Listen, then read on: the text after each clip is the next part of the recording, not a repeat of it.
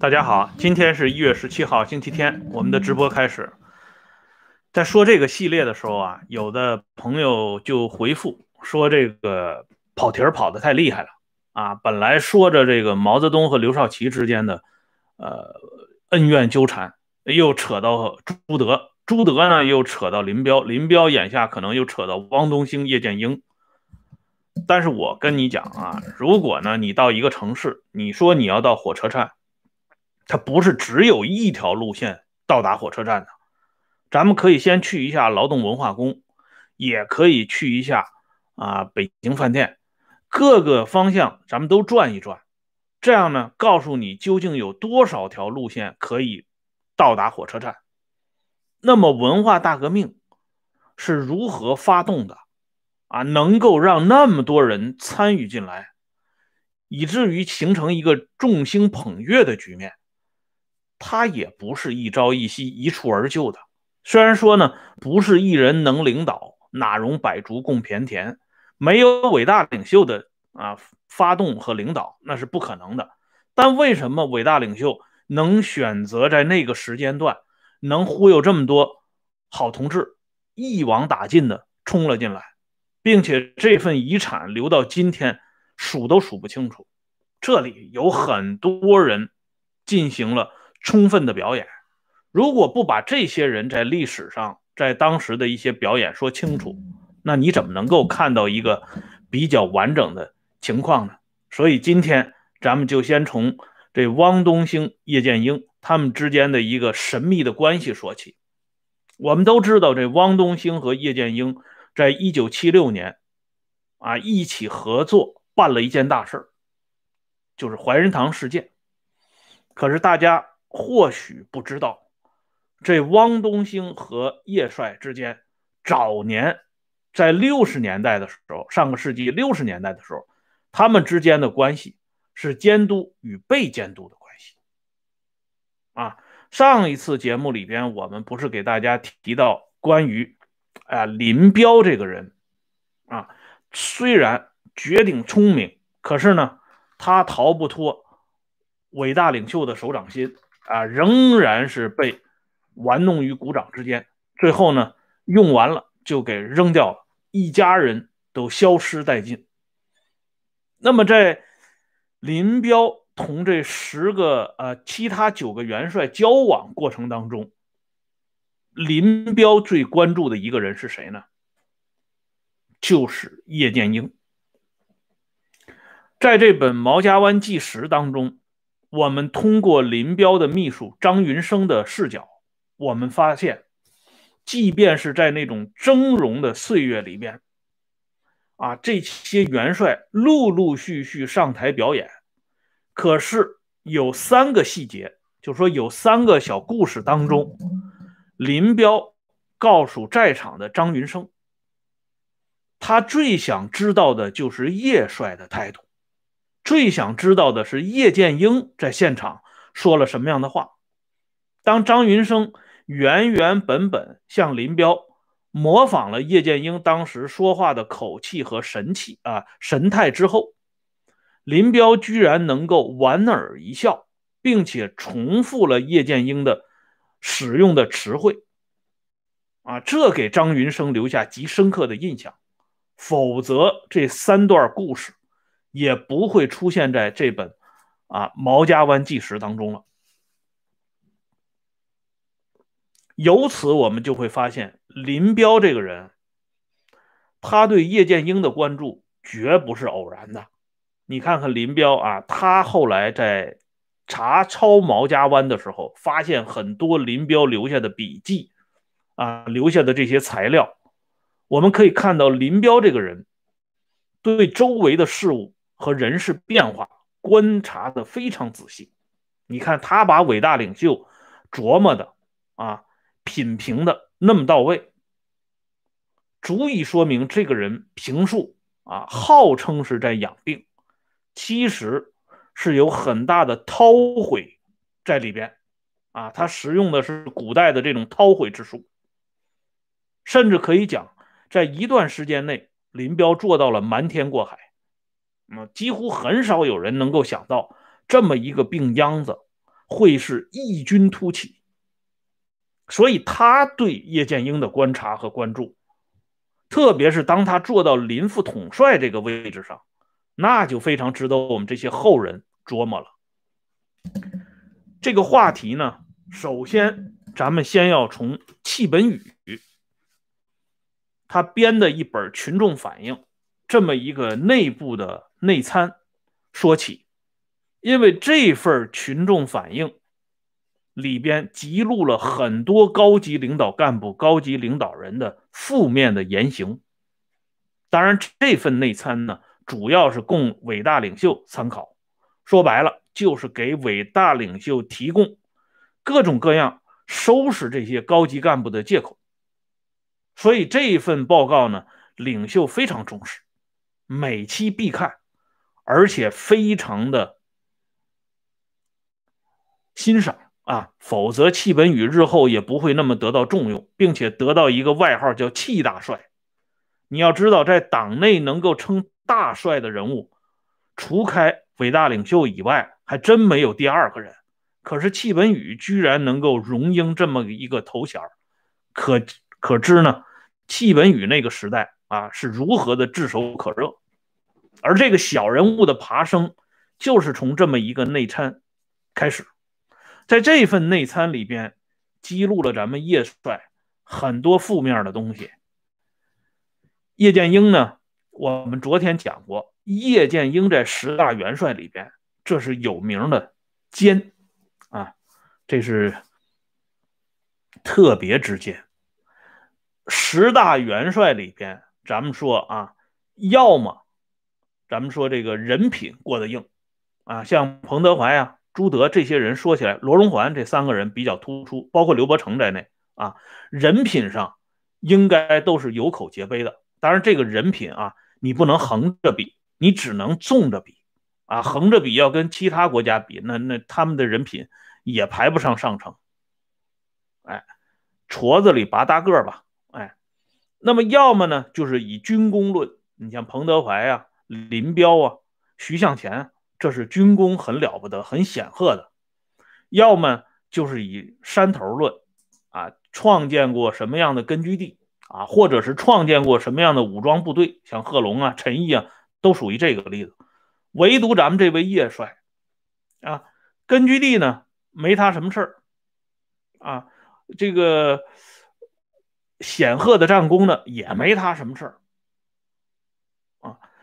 人品呢？那那就更谈不上了啊！那千万不能在叶帅面前谈人品这个话题，这容易把叶帅给惹毛了啊。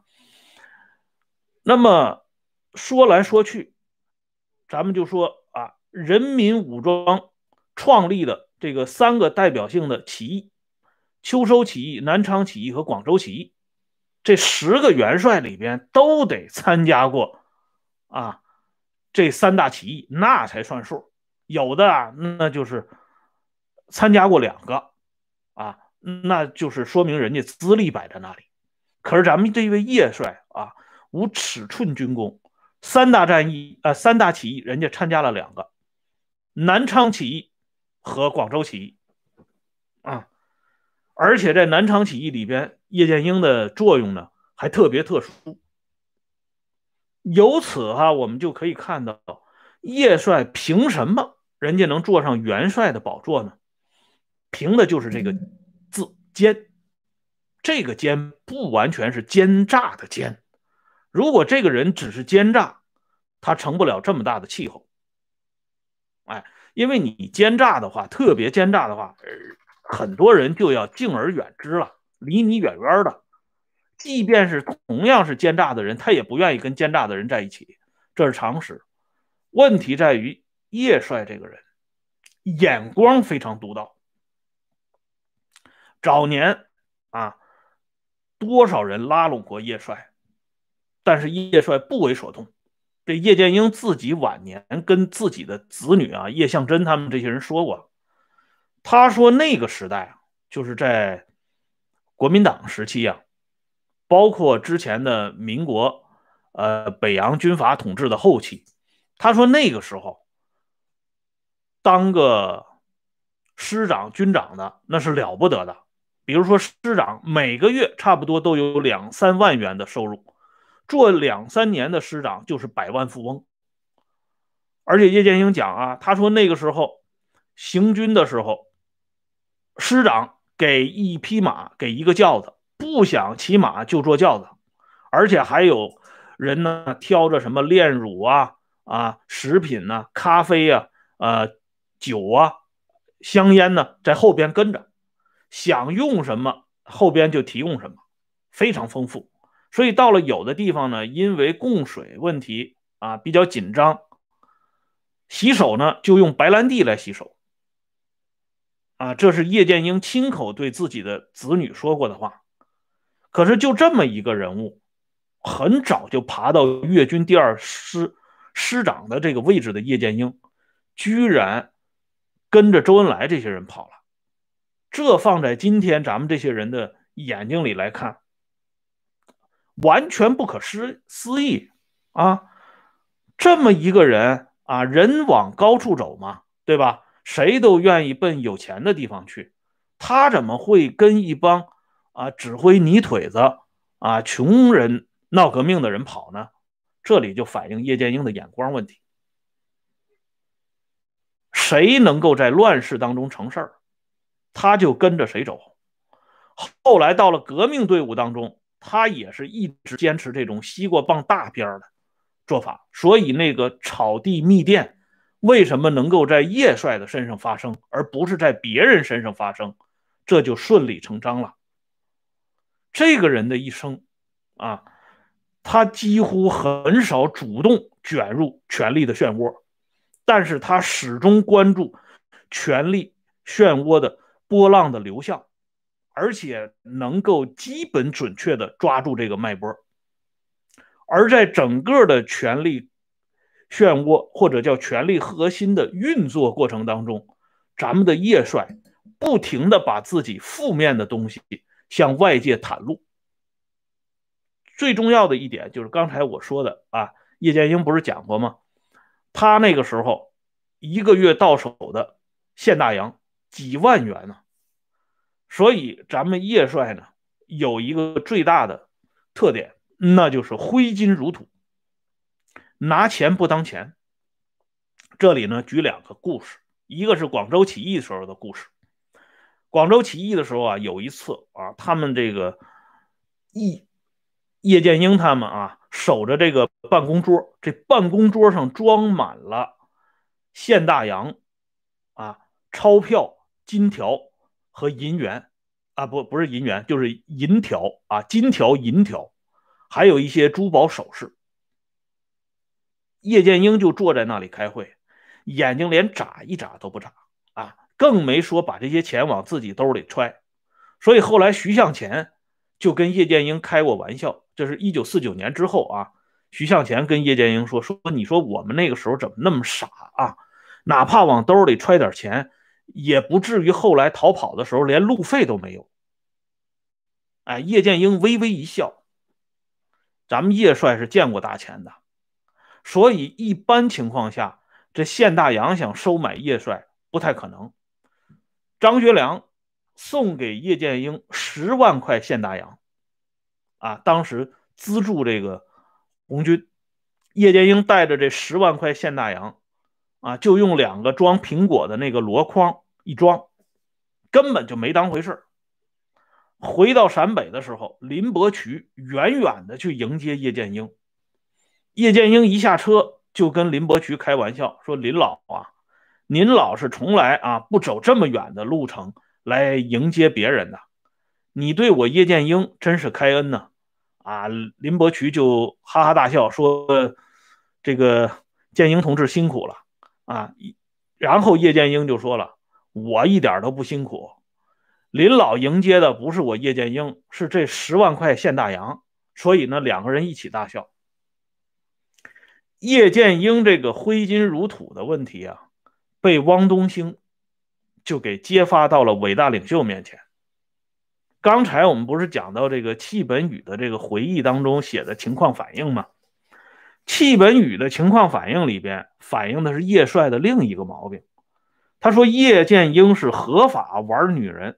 把道德问题掩盖起来了。叶剑英离婚了多少次，他自己都记不清楚。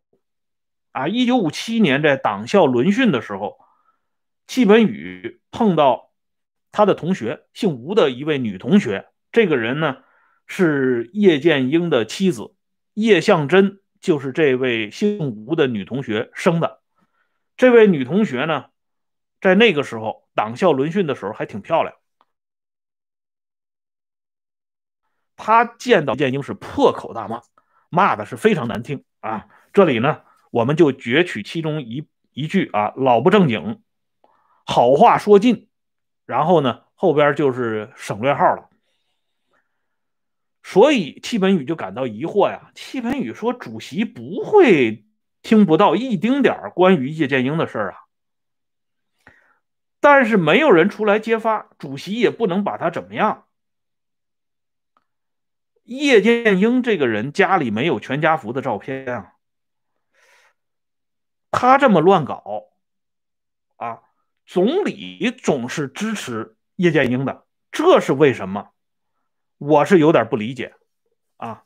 戚本禹不理解，他不理解周恩来同志为什么老支持咱们的叶帅啊。换句话说，戚本禹要真的理解周恩来为什么支持叶剑英的话，他就不是戚大帅了。他就应该叫毛大帅了，哎，至于他说啊，伟大领袖啊，不会听不到一点叶剑英的事儿，但是因为没有人出来揭发，领袖就拿叶剑英无可奈何，这是纯属胡说八道啊！这么大事儿还胡说八道，也确实比较罕见。伟大领袖想办谁，还用谁出来揭发吗？或者谁不出来揭发，领袖一个暗示，那还不赶紧出来揭发？根本一点，领袖根本就不想动咱们叶帅啊！这里呢，我就给大家讲这汪东兴的故事。这汪东兴汪主任呢，他知道领袖拿到这个情况反应，那不是随随便便拿到的。他特别想知道汪东兴。对叶剑英是一个什么样的看法？可是汪东兴在领袖身边混久了，他也知道咱们这位叶帅那不是一个省油的灯啊！你在领袖面前告发叶帅，叶帅的耳朵是很长的，他不会不知道的。而且一旦知道以后，叶帅当然还会对你笑眯眯的。可是这个笑眯眯那是笑面虎啊，那不知道什么时候就发作了。所以，汪东兴有汪东兴的智慧。当毛泽东问到汪东兴啊，拿着这些情况反映叶剑英的这些负面的东西交给汪东兴的时候，这是发生在上个世纪六十年代的事儿啊。汪东兴重新回到中央办公厅，汪东兴就知道机会来了，所以他就有一个反应，他说：“叶帅这个人花钱大手大脚。”毛当时听了以后，毛就说了一句话，说那叫挥金如土。汪东兴就不吭气了。这番主仆之间的对话，后来呢是由别人给披露出来了。这番对话如果正常人一听，可能也就这么回事啊。奴才呢说。叶剑英花钱大手大脚，主子呢说那叫挥金如土。可是叶帅听到这个消息之后呢，叶帅又有动作了。什么叫挥金如土啊？这个词从毛的嘴边说出来，那的影响可不一样，概念可不一样。杀人如麻，挥金如土，这是帝王和枭雄。才能具有的气质。平常人你不应该有这种气质，而平常人要有这样的气质，那说明你是野心家，你是想在这个权力的 殿堂上捞一票。哎，所以咱们看这个《三国演义》里边，为什么曹操说出“天下英雄为使君与操耳”的时候？刘备吓得啊，筷子都掉了地了。因为曹操一旦说出这种话，那就等于把刘备捆上了祭坛。哎，领袖说出挥金如土，对于叶剑英这样一个人来讲，那意味着什么？叶帅太清楚了，叶帅应对的办法那也是一绝呀。马上啊，过了一段时间以后，马上给领袖打报告。打报告说什么呢？这个话题啊，咱们留待明天接着说。感谢朋友们上来收看，感谢朋友们上来支持。下面呢，我把温相说时政的会员频道给大家发一下啊，每天都有更新，欢迎大家积极参与。